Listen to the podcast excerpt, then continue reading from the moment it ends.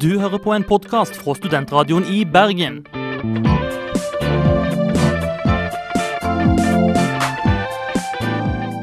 Denne og mange andre flotte podkaster finner du på podkast.srib.no. Brunsj. Det beste av uka som gikk på studentradioen. Brunsj. Det er tid for brunsj på studentradioen i Bergen. Klokka er 11, og det snør ute. Det snør ute. Vi må jo først si hvem vi er, eh, Sunniva. Ja, for du hører på brunsj med Magnus og Sunniva. Ja, vi sitter med Huba Luba, Tom Mathisen, Herodes Falsk, Appelsin og ser mennesker sluntre seg ut av parkeveiens Parkveiens snøvær. Men vi skal fokusere på noe helt annet eh, i dag, Sunniva. Ja, eh, Balkan er veldig viktig i dagens sending, og Odda. Vi skal i hvert fall presentere det beste som studentradioen i Bergen har laget i uke 18. i Bergen. Og det første innslaget vi har i dagens Brønnsending, er fra utenriksmagasinet Mirsi Balkansending. Ja, De valgte å ta for seg eh, ikke de østeuropeiske landene, men eh, Balkanområdet. Og valgte rett og slett å fokusere på Latvia. Ja, for Fredrik Sagafoss fra MIR han var i Latvia i påska. øh, Og så litt på hvorfor forholdet mellom russerne og latvierne er så dårlig.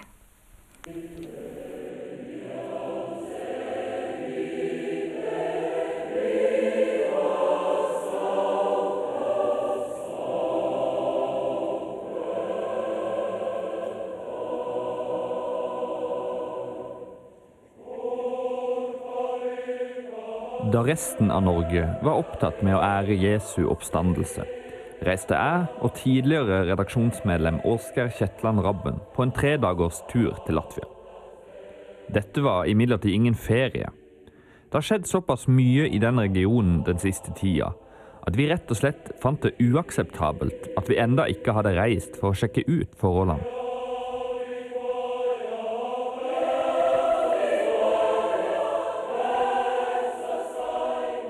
Folkeavstemminga i februar, som skulle avgjøre hvorvidt russisk skulle bli et offisielt språk på linje med latvisk, endte med knusende nederlag for de russiskspråklige. Og dette har bare bidratt til å gjøre den allerede dype kløften folkene imellom enda vanskeligere å krysse. I Latvia bor det over 30 russere, men de lever i praktisk talt separate samfunn med svært lite kontakt seg imellom. På vårt kummerlige, men sjarmerende motell traff vi Sergej Skriftsov. Sergej er russisk og bekrefter våre fordommer om det kjølige forholdet mellom folkene. Sergej lot seg dessverre ikke ta opp, så jeg og Åsgeir måtte i etterkant rekapitulere hva vi fikk høre. Jo, han mente at russerne hadde opplevd tusen år med lidelse og hadde opparbeidet seg visdom eh, og visste hvordan de måtte eh, te seg for å utvikle samfunnet. Mens eh, da etter hans syn så hadde latvierne fått landet sitt gratis for 70 år siden. Eh, for så eh, at landet vendte tilbake til sine rettmessige eiere, russerne, fram til 1991. For han så jo tydeligvis på det som at dette her var ikke noe mer latvisk enn russisk land, der vi befinner oss i nå. Da, hans framstilling var jo at russerne hadde bodd her før latvierne. Den type diskusjoner ble jo håpløse i sånne sammenhenger som dette her. Han sa også det at det var ikke noe vits å lære seg latvisk. Altså Man uh, jobba og strevde lenge for å lære seg latvisk, og man fikk ingenting igjen for det. Uh, så eh, det vil jo, han fraråder folk å lære seg latvisk, selv om det er den eneste måten man kunne bli latvisk statsborger på. Uh, han hadde jo selv en datter som da opplagt måtte være russisktalende og bodde i Russland. Og hun, eh, ifølge han, så nærmer hun seg nå den alderen der hun måtte velge statsborgerskap. Så hun eh, så visst for seg å være russisk statsborger i framtida og, og si fra seg det latviske statsborgerskapet. Russland og Latvia har en broka historie. Besøker du Rigas okkupasjonsmuseum midt i gamlebyen, legges det ikke skjul på at sovjettida var en okkupasjon av Latvia og intet annet. Altså, Latvia var ikke en del av Sovjetunionen, det var okkupert av han. Den tyske okkupasjonen fra 41 til 44 blir stilt i et mildere lys, og fremdeles er det slik at hver vår demonstreres til ære for de latvierne som kjempa på nazistenes side under andre verdenskrig, til forargelse for den russiske delen av befolkningen. Slikt er med på å forsterke skyttergravene og bygge opp muren mellom de separate samfunnene. Dette bekreftes av vår elskverdige byguide Inga. På upåklagelig norsk forklarer hun hvordan Latvia hører til Vest-Europa. Hun er helt klar på at dersom russisk hadde blitt et offisielt språk i Latvia, kunne dette betydd slutten på det latviske språket. Eh, Det skulle virkelig betydd at eh, latvisk språk skulle bli eh, Ja, kanskje skulle forsvinne. Allerede i nå dager mange russer føler seg bekvemt. Snakker bare russisk, forstår bare russisk. Av hele befolkningen, ca. 20% eh, ikke forstår latvisk. Det som var interessant, var at eh, vi opplevde veldig stor eh, aktivitet for mange år. For første gang. Uh, latviere, nesten alle, tok del i denne referendum, og det var 76 eh, prosent eh, mot eh, denne eh, eh, forslag. Hun mener imidlertid at situasjonen skyldes dårlig integrering og samarbeid de to gruppene mellom. Vi må unngå at hatet som henger igjen fra forrige århundre, blir videreført til de kommende generasjoner. De vil ikke reise tilbake til Russland. Og kanskje de har ikke noen sted de, de kan reise. Jeg mener eh, De bor, bor her i flere generasjoner allerede. Men uh, etter denne referendum uh, så det var også stor eh, Eller en ny liksom, di diskusjon. Kan vi, hva kan vi gjøre for å integrere russer? Og uh, en av sånne interessante tankene er at uh, kanskje russiske barn kan få reise til uh, latviske uh, eh, Jeg mener eh, grandparents. Besteforeldre. Liksom det kunne være en prosjekt at de får reise på landet, ettersom de har ikke slektninger eh, ofte ute fra Riga. Og eh, da kan de få litt mer eh, ja, inntrykk av eh, latvisk kultur og tradisjoner.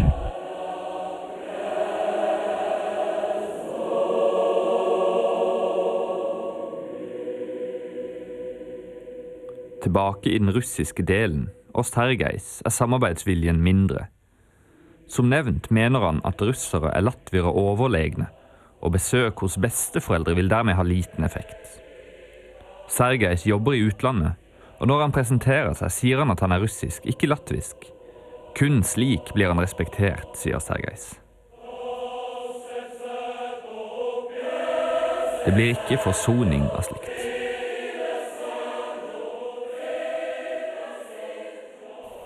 Det var eh, Fredrik Sagafoss fra vårt eh, utenriksprogram MIR eh, som hadde sin sending om Balkan. Her tok han for seg det dårlige forholdet mellom russere og Latvia. Go Latvia, Sunniva. Vi skal snart ut i bushen, men først kommer ukas låt på Studentradioen i Bergen, ASAP Rocky med Goldie. ASAP Rocky med ukas låt Goldie. Straks skal vi ta for oss ei australsk turistfelle, ikke Home and Away. Du hører på Brunsj.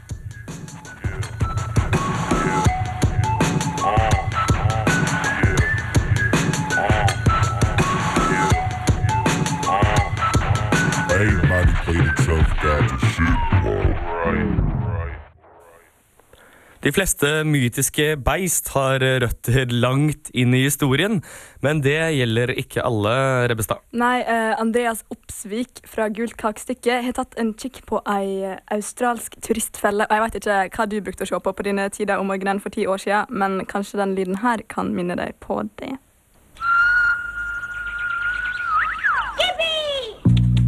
Den australske sleppebjørnen, eller the drop bear, er en nært beslekta venn av koalaen. Men i motsetning til sin eukalyptusetende fetter er ikke sleppebjørnen like rolig. Den eneste store likskapen er at de liker å henge i trær. For en liten periode. Australia, et land fullt av dyr i den høgst akademiske kategorien dødsfarlig. Om du syns at humler og kveps er irriterende, har du ingenting du skulle sagt på den australske outbacken, der det er en dagligdags hendelse å pirke giftige skorpioner ut av skoen før en går på jobb.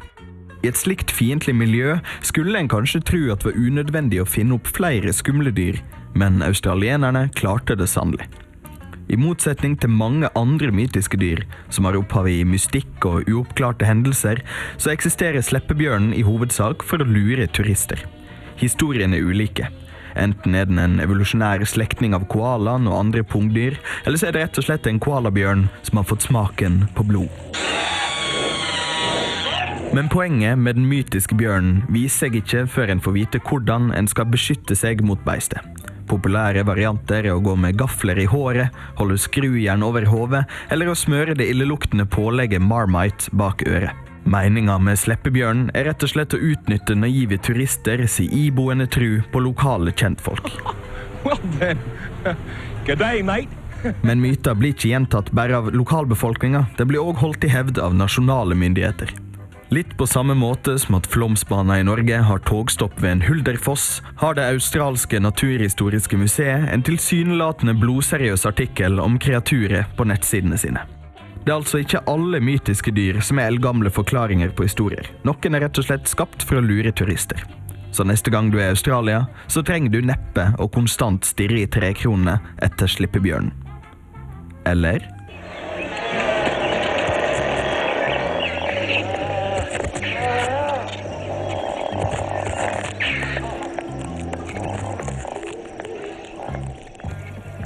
Studentradioen i Bergen sitt historiske triviaprogram Gult kakestykke tok for seg Sleppebjørnen. Eh, straks skal vi høre mer om eh, andre rare dyr, men i Odda. You are listening to Student Radio Bergen, you lucky, lucky little pups. Andre rare dyr, men i Odda. Høyst interessant overgang der. Eh, det er riktig. Det er i Odda det utspiller seg, eh, men det er kanskje ikke så veldig mange dyr eh, i boken, frøken? Nei, for det, den boka du har tatt for deg, er Saga Natt. Det er du, Magnus, som har laga en anmeldelse av denne boka. Ja. Det åpner følgende. Eh, Alle personene i denne boka er oppdikta, men de historiske hendinga som bestemmer dere handlinger, er høgst virkelige. Høgst virkelige. Ja, så det er, eh, det er på en måte legender eh, fra Odda som på en måte er bygget ut. Disse personene, mange av de eksisterer, men det er jo en roman. Det er jo en roman. Og den er, det er det en sånn flettverksroman? Ja, det er tre ulike eh, fortellinger eh, i ett, og alle på en måte spinner inn i hverandre. Eh, det er tre ulike generasjoner, kan man si. Mm, La oss høre på Magnus sin anmeldelse av Frode Gryttens Saga Natt. Alle personene i denne boka er oppdikta, men de historiske hendelsene som bestemmer deres handlinger og holdninger, er høgst virkelige. Slik starter fortellingen Saganatt av Frode Grytten. Tre ulike fortellinger om sosialdemokrater og deres ferd gjennom livet.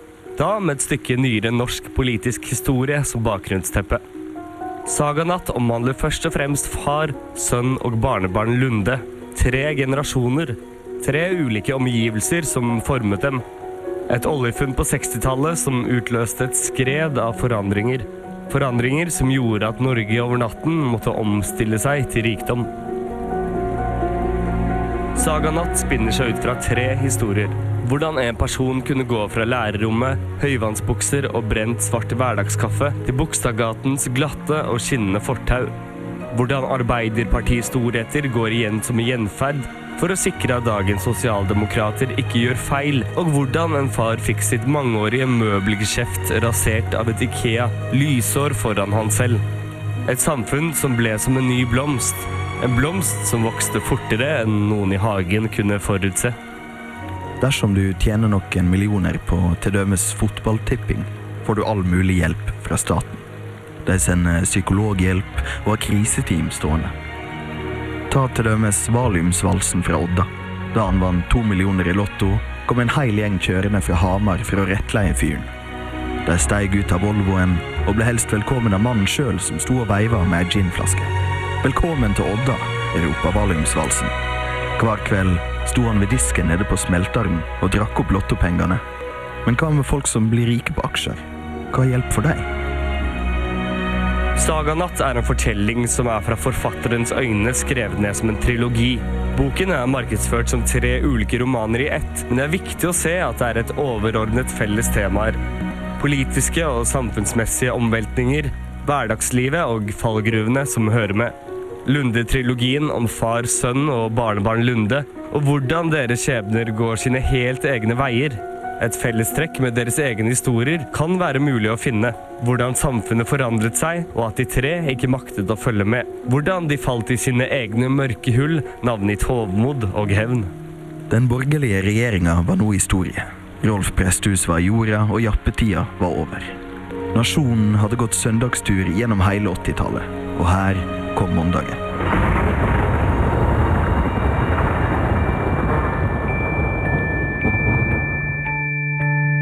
Boken er utformet på en svært humoristisk måte, med Gryttens bisarre og snodige, sjarmerende humor. Det er fortellinger om livets syklus, om sykdom, om hverdagens finurligheter, politikk, opp- og nedturer, og ikke minst kjærligheten og det å bli eldre. Jeg brøt sammen over telefonen etter jeg hadde snakka med legen. Marni ropte etter at jeg måtte komme for å se. Det er så morosamt, sa hun. Jeg reiste meg og gikk inn igjen i stova. Marni satt i favorittstolen sin, uvitende om at jeg nettopp hadde ringt en kommunelege for å si at vårt liv sammen var over. Jeg satte meg i sofaen, tok handa hennes og så på TV-skjermen der en mann med blazer og kapteinslue hadde ramla ned trappa. Marni snudde seg mot meg og sa du er så snill som passer på meg. Jeg visste ikke hva jeg skulle si, så jeg bare stirra på TV-skjermen. Selv om boken har innslag av alvorlighet, er alt frontet gjennom humorens fine blekk. Å gå fra beherskelsen med å balansere perfekt på en linje, før man etter kort tid bestemmer seg for å gå baklengs på en fot. Den klassiske starten, den overmodige avgjørelsen og det enorme, solide fallet. Grytten blander og mikser historier, men er et godt stykke nyere politisk historie blandet sammen med humor og god fortellerevne.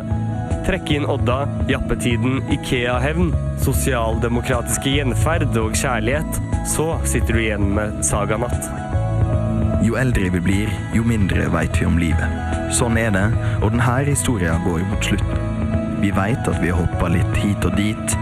Ti lange år har gått som en røyk, og vi har garantert preika oss vekk og ikke fått med alle poeng som burde være med. For hvert liv er en fortelling om andres liv.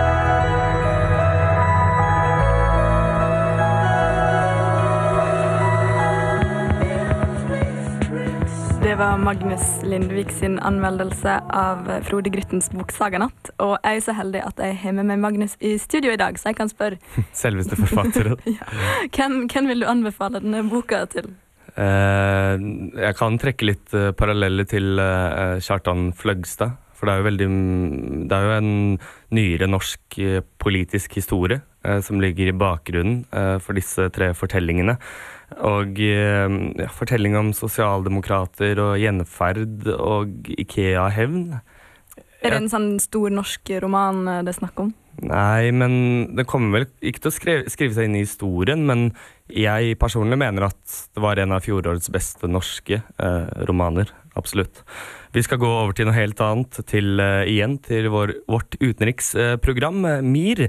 Men først litt MIA med Bad Girls. Skitne jenter.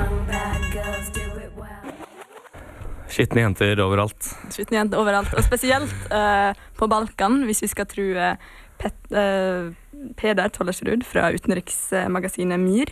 Ja, Han har eh, rett og slett vært nede i skattkista og, og røska opp i det norske folks fordommer mot eh, det balkanske folk, og spesielt litt uh, litauere. Ja, for, for jeg og du har jo litt sånn, et, en litt sånn rotete fortid med disse her østeuropeiske uh, OK, vi var på ei kneipe, og det sier vel sitt. Men skal vi liksom prøve å få røska litt opp i det her ved hjelp av Peder sine Ja, ja. Eh, moralen er ikke gå på Hector og skybel, der får du bråk. Men vi skal i hvert fall Jeg eh, hører at vi trenger, vi trenger det innslaget her. La oss bare kjøre på. good life. Uh, homie, tell me what's good. Why I only got a problem when you in the hood? Welcome to the good life. Like I'm doing. Vi håper jo at samtlige av verdens innbyggere skal ha det bra. Vi vil at alle skal kunne bo fredfullt der de er født, og at ingen blir drevet på flukt fra landet de kommer fra. Vi vil at alle land skal ha en god og stabil nok økonomi, slik at de kan ta vare på alle innbyggerne i landet sitt. Nå er dog ikke verden perfekt, og haugevis av nasjonaliteter florerer rundt i alle verdens kriker og kroker. Dette merker vi også godt her i Norge. Vi er en nasjon, vi med. Vi små en den lange. Et fedreland vi frydes. Og vi, vi er mange. Vårt hjerte vet, vårt øye ser. Hvor godt og vakkert Norge er. De jeg faktisk håper mest får snudd økonomien på hodet, er ikke de som har det verst, sånn som Hellas, Spania og Italia. Der får vi igjen nydelig tzatziki, soltørkede tomater og pizza slik ingen andre kan lage det. De jeg håper får skuta på rett kjøl, er nemlig Baltikum. Og kanskje mest Litauen.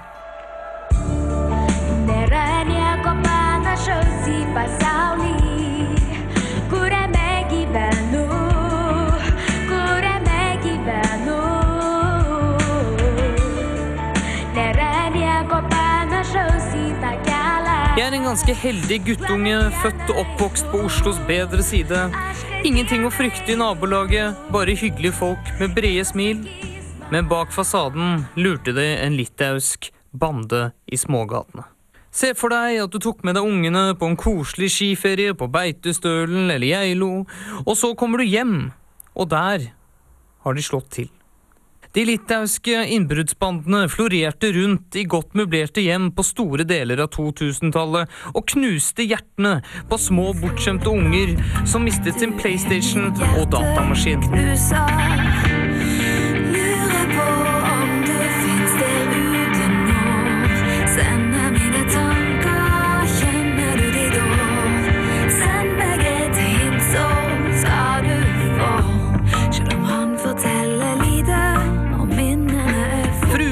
Sove med det ene øyet oppe og et balltre i hånden i frykt for at hjemmet skulle bli ramponert og at hennes unger skulle bli skremt. Litauere har rett og slett skapt frykt i mitt hjemstrøk og i mitt land.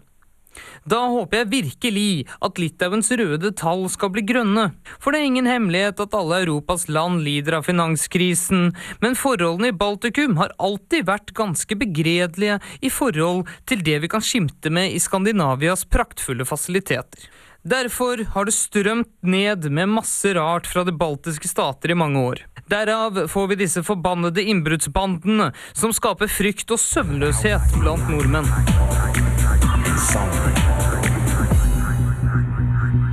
Men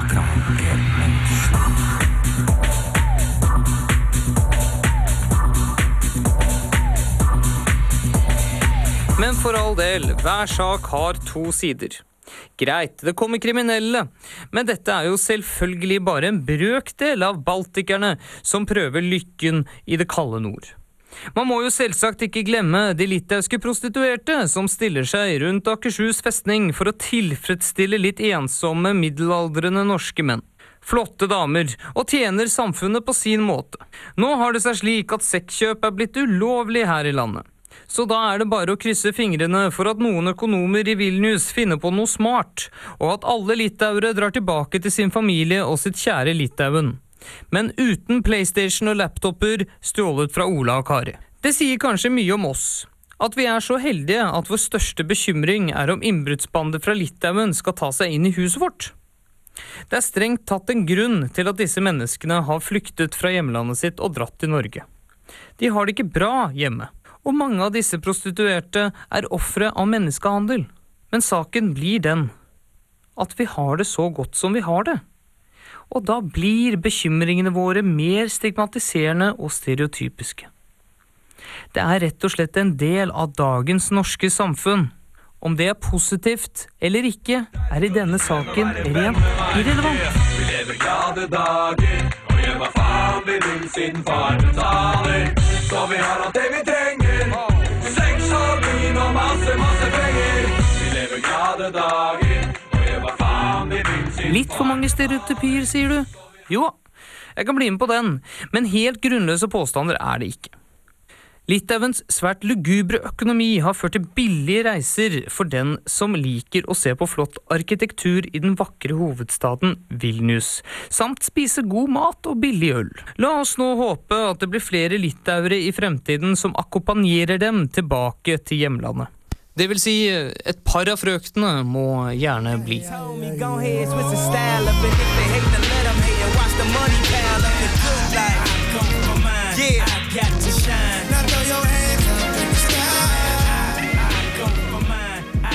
Det var Peter Tollersrud som røska opp i våre fordommer mot lytteren. Eh, klokka har blitt halv tolv. Du hører på kremen av baconet her på Studentradioen i Bergen, nemlig Brunsj. Ja, Vi skal over til eh, noe helt annet straks. En undervurdert og oversett målmaskin. Jeg har ikke hørt om han, eh, men eh, vi skal i hvert fall introdusere deg foran. Men først litt Beach House fra deres nye album Bloom.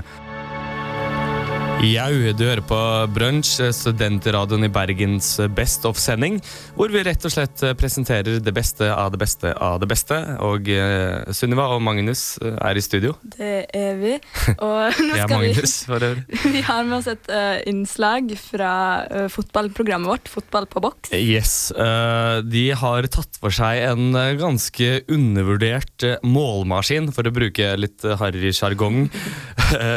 De har et, en spalte som heter Hall of Fame, og denne gangen eh, skal han rett og slett eh, inn i ilden. da. De skal eh, stemme over om denne karen er god nok for Ja, å være med i Hall of Fame. For han her han har bøtta inn mål for Westham, Everton og Leicester i PL, som jeg antar må være Premier League. Jeg var spent. ja, du var spent. Ja, det. er i hvert fall få som har hørt navnet hans før. Har du?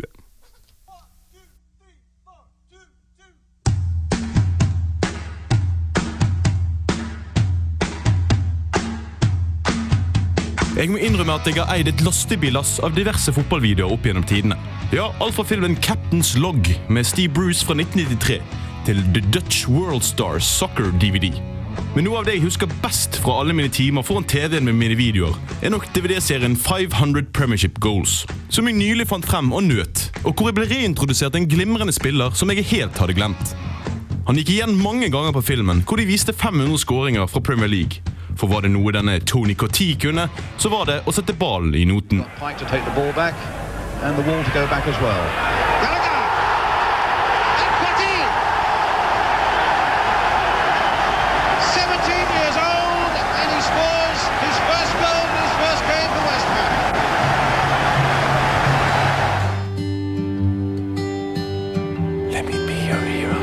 Målmaskinen Anthony Richard Cotty, eller bare Tony Cotty om du vil, ble født i London 11. juli 1965 og startet like gjerne sin fotballkarriere ved å gå rett på sak hos Westham i en alder av 16. Som 17-åring fikk han sin debut for laget og toppet det hele med å banke inn et mål mot Tottenham. Han fikk totalt åtte innhopp i sin første sesong og puttet like greit hele fem ganger. For dette tidspunkt skulle han vise seg å bli en svært viktig spiller for London-klubben, hvor han ble fast invitar fra 1983-84-sesongen. Og hver eneste sesong etter toppet han med å skåre flere og flere mål, med 15 i sin første hele sesong for Westham til 17 året etter. Men da Coty rundet 20 år, hadde han vokst seg så stor at han seilet opp som ligaens mest verdifulle spiller. Han skårte hele 37 mål. Ja, jeg kan like gjerne gjenta det. 37 mål i 1985-86-sesongen. Og ble helt fortjent tildelt prisen for årets unge spiller i ligaen. Westham hadde aldri spilt bedre enn de gjorde nå. Og ved hjelp av Tony og hans spissmakker Frank Evney satte klubben sin beste plassering i ligaen med sin tredjeplass i 1986. En rekord som fortsatt står. Men for en liten klubb som Westham ble det vanskelig å holde på Tony og hans partner på topp. Og storebrødrene i England begynte tidlig å snuse på skåringsgarantisten Cotty. Da 1987-88-sesongen var over, kunne nå Cotty, som på dette tidspunktet kun var 23 år, vise til hele 93 mål for London-klubben på bare 212 kamper. Overgangsrekorden i England skulle knuses, og selvfølgelig var Tony Cotty mannen som skulle være i sentrum. Sure Tony Cotty's had a touch yet. He might get one now!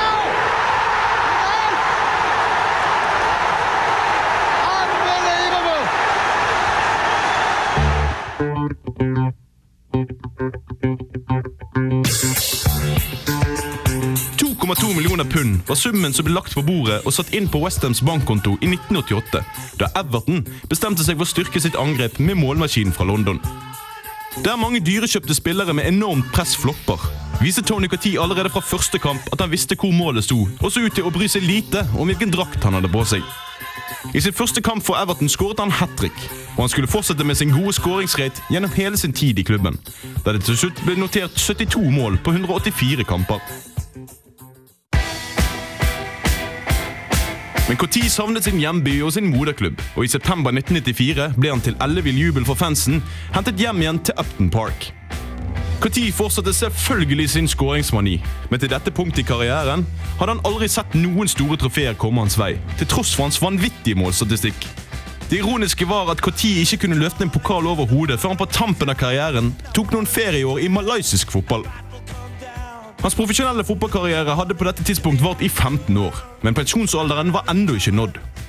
I et siste forsøk på å vinne noe i England returnerte han til fotballøyen i 1997 for å spille europacupfotball med Leicester, som sesongen før hadde vunnet ligacupen. Men Cottee bar på en forbannelse i England. Han skåret og skåret og skåret og skåret. Skåret og skåret og skåret og skåret, men ingen titler ville hans vei i hjemlandet. Dessverre ga han opp i 2001 da han la sine skåringsslitte fotballsko på hyllen. Etter noen heller mislykkede forsøk i managerrollen jobber han i dag for Sky Sport i England. Hvor han med god samvittighet kan kalle seg en ekspert. En altså klar forskjell på de som blir hentet inn på norske fotballsendinger. Tony Cottees glimrende, men dog oversette fotballkarriere har altså blitt ettertraktelig bevist med hans gjentagende opptreden i min 500 Premiership Goals DVD-serie, hvor jeg til tider følte at han sto for annenhver skåring. Ryktene skal faktisk ha det til at han selv samlet på avisutklipp hvor alle hans skåringer ble nevnt. Og med sine 240 mål i sin profesjonelle karriere kan jeg knapt forestille meg hvor stor denne samlingen er. For få kan med god grunn kalles en engelsk målmaskin, slik som Tony Cottee.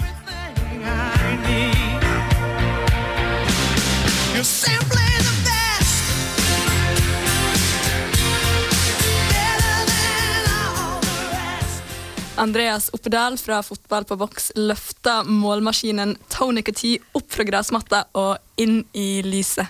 Yes, Vi skal eh, løfte oss videre til eh, dansebandsending. Danseband, jeg klarer ikke å si det engang. Eh, det er en kar som har åtte Spellemannspriser i bagasjen. Tore Halvorsen fra Ole Ivars fra Emo-mandag, som har tatt det for seg. Men først litt Lee Fields fra playlisten Faithful Man, og du hører på Brunch. Fra nummer 20 på spillelista, Lee Fields med Faithful Man. Jeg har så lyst til å, stole på Lee Fields, eh, men kanskje andre stoler på noe helt annet.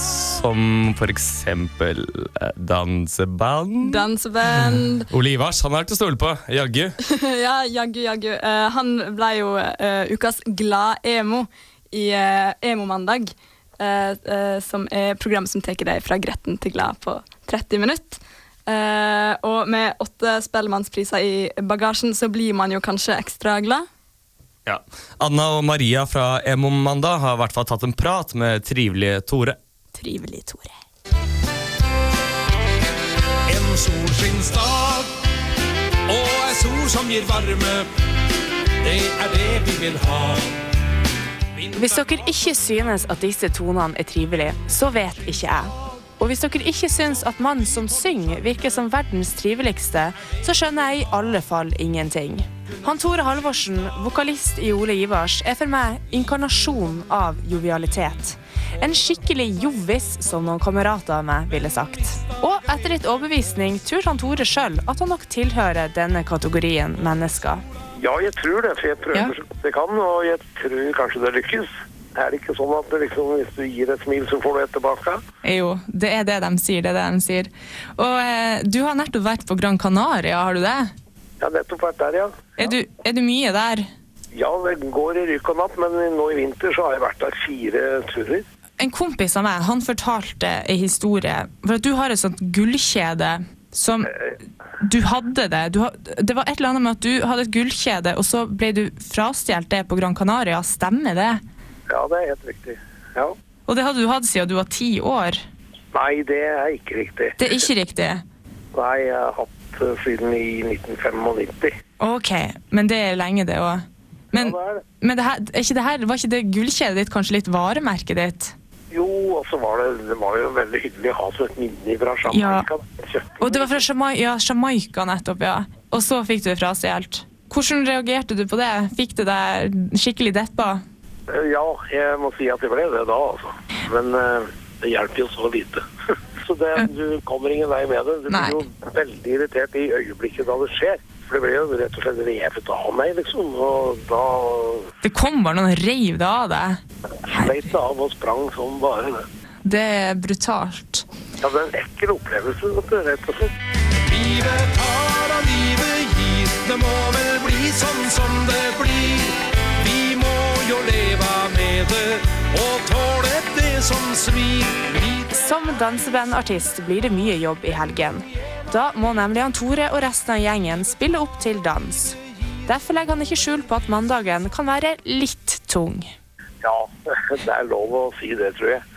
For det er jo veldig mye lange reiser innimellom. Og er klart at komme hjem sent på søndagskvelden, så er, det, er du litt sånn eh, ja, Nei, altså litt utover dagen på mandag, men ellers så, så funker det bra. Vi tar det til mandag, for mandag er en fin, fin dag å starte på. Jeg føler Danseband blir jo sett på som en sånn Ja, det er også en sånn glad sjanger, hvor folk svinger seg i valsen og alt er flott. Tror du det at, uh, tror du at folk uh, At publikummet ditt er mer glad enn uh, den gjennomsnittlige nordmann? Det var ikke lett å svare på, men vi har jo mange forskjellige typer mennesker som er på sånne fester. Så, men jeg vil nok kanskje tro at de er lette til sinns, veldig mange av dem. Tror det. Tror du? Det er sånn vanskelig å innvikle folk. Nei, og kanskje også musikken kan bidra til å løsne litt på snippen. Ja, det er jo det vi prøver på. Vi har stort sett glade låter. Vi har jo noen triste og rolige låter innimellom, vi òg. Men, eh, men det vi fokuserer på, er å prøve å få folk i godt humør og få dem til å være med og synge og danse og i det hele tatt få fram gleden. Kom deg ut av stolen og få på deg noen filler og sko. La, la, la, la, la, la, la. Kom deg ut av stolen, så skal du se at dagen blir god. La, la, la, la. Jeg har vært eh, inne på Ole Ivars sine nettsider, og så har jeg sett på din eh, profil. Og der, har, der deler du et, noen interessante interesser med resten. Du er annet veldig glad i campingturer. det var ikke så veldig sjokkerende. Nei. Nei, vi hadde jo eh, Nå er det vel slutt på den camping for oss, for vi har ei hytte, så nå har vi begynt å bruke den mer og mer. Men vi hadde en periode på en åtte-ti år som vi, som vi var på camping hver eneste sommer. Så det, jeg må si, det var veldig trivelig i å ha med seg. Og kjempekoselig å bo sammen med de andre folka rundt, og vi ble kjent med mange. og vi hadde, hadde det veldig sosialt og trivelig på alle måter. Eh, og så kom det jo en fin sang ut av det også. Ja da. Kongen av campingplassen har en helt vanlig jobb. Du, eh, du, du sier også at du er glad i å fiske. Det er jo en ganske mandig ting. Men så kommer det utrolige. Og jeg ser jo på danseband som litt sånn, en sånn sjanger hvor man har litt sånn tradisjonelle kjønnsrollemønster. Så når du sier at du er veldig glad i blomster, da blir jeg litt sjokkert. Ja, så, Ja, kanskje det. Nei, det er, det er noe som har hengt i hele livet. Altså. Har du det? Du har grønne fingre. Jeg vet ikke om jeg egentlig har det, men jeg har et godt syn når det gjelder akkurat det med å se på, se på blomster og oppleve det rundt meg. Og vil svært gjerne uh, kunne drive og pusle med det, men det blir jo ikke tid til det også, som jeg sa. Vi er mye på hytta, så det, det blir jo ikke så, så Men jeg er liksom Å gå inn i et gartneri og sånt, som det, det, det er som kjerringa sier, det er livsfarlig å sende med meg sjekkhefte inn i et gartneri. altså. Da går penga fort. Ja, det er herlig. Du, eh, så står det videre det at favorittdrikka di, den er, det er karsk. Uten sukker. Det var det. Det har blitt for mye av det. Nei, det var ikke det, men det var vel litt mer sånn eh, spøk på en måte. da. Ja, ja, det er lov å spøke. Det er lov å spøke. Jeg har slutta å drikke brennevin, for brennevin er noe dritt. Ja, For ei tid tilbake deltok han Tore i Firestjerners middag, og der kom han også med et lite stunt. Han har nemlig en utvekst på den ene brystvorta. Den tredje brystvorta, som han kaller den sjøl. Denne viste han altså frem til resten rundt bordet, i tillegg til hele det norske folk. Om den fungerer som en appetittvekker, kan vel diskuteres. Stopp meg. Det er jo naturlig piercing. Det er naturlig piercing. Har du fått mange negative eh, kommentarer på det her, da? Nei, bare fra kjerringa mi. Bare for kjerringa. Ja, det leser jeg det at eh, kona og, og, eh, og dattera di var litt sånn skeptisk. Ja, både hun og dattera var fryktelig, dårlig til et middagsprogram å dra fram. Kan Egentlig så kan vi jo være litt enig i det.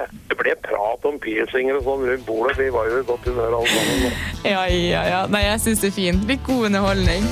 En får være som en er da nitte vart som en sku. Inni er vi like både je og du. En får være som en er da nitte vart som en sku. Ingen er da helt En får være som den er. Man blir jo ikke annet enn god stemning. Nei, det er god. det er jovialt. Skikkelig jovialt.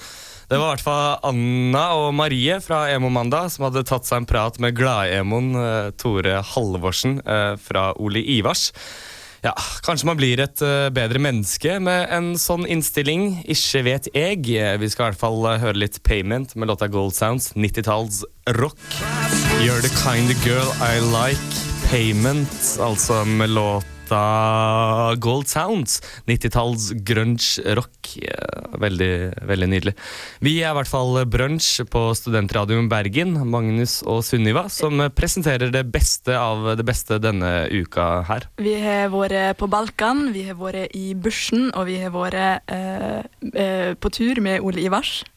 Ja, det har vært, eh, det har vært litt av en jungel, eh, rett og slett. Vi har hoppa fra A til, til Å. Eh, Det har vært veldig mye forskjellig. Vi har vært innom Latvia, sett på forholdet mellom russere og latviere. Og så har vi også sett litt på fordommene mot litauere i Norge. Mm. Et ironisk innslag. Ellers så har vi tatt for oss australsk barne-TV. Et mytisk beist, Drop Bear. Slippebjørn ja, den, eh, og turistfellebjørn, rett og slett. Ja. Ellers har vi hoppa innom eh, Frode Gryttens eh, mytiske Odda med Saganatt. Og en, en ukjent målmaskin. Ja. Eh, nikotin, eller noe sånt heter han. Ta nikotin! Nikotin, den ukjente målmaskinen Tony Nikoti. eh, Det var fotball på boks som tok for seg han. Vi er ferdig for i dag, eh, men vi, Studentradioen i Bergen har mer å by på. Snart får du Vatikanet live fra studio. Musicals! Ja, De skal snakke om musikaler i dag, og er det noe jeg elsker her i verden, så er det musikaler. Fortsett å høre på Studentradioen i Bergen. Jeg er Magnus og har med meg Sunniva. Eh, vi må takke produsent eh, Fredrik eh, Saga Foss. Mm. Ellers så håper vi ikke på mer snø i dag. Ha det bra, rett og slett. Du hører på en podkast fra Studentradioen i Bergen. Fra Studentradioen i Bergen. Fra Studentradioen i Bergen. Flere podkaster finner du på srib.no.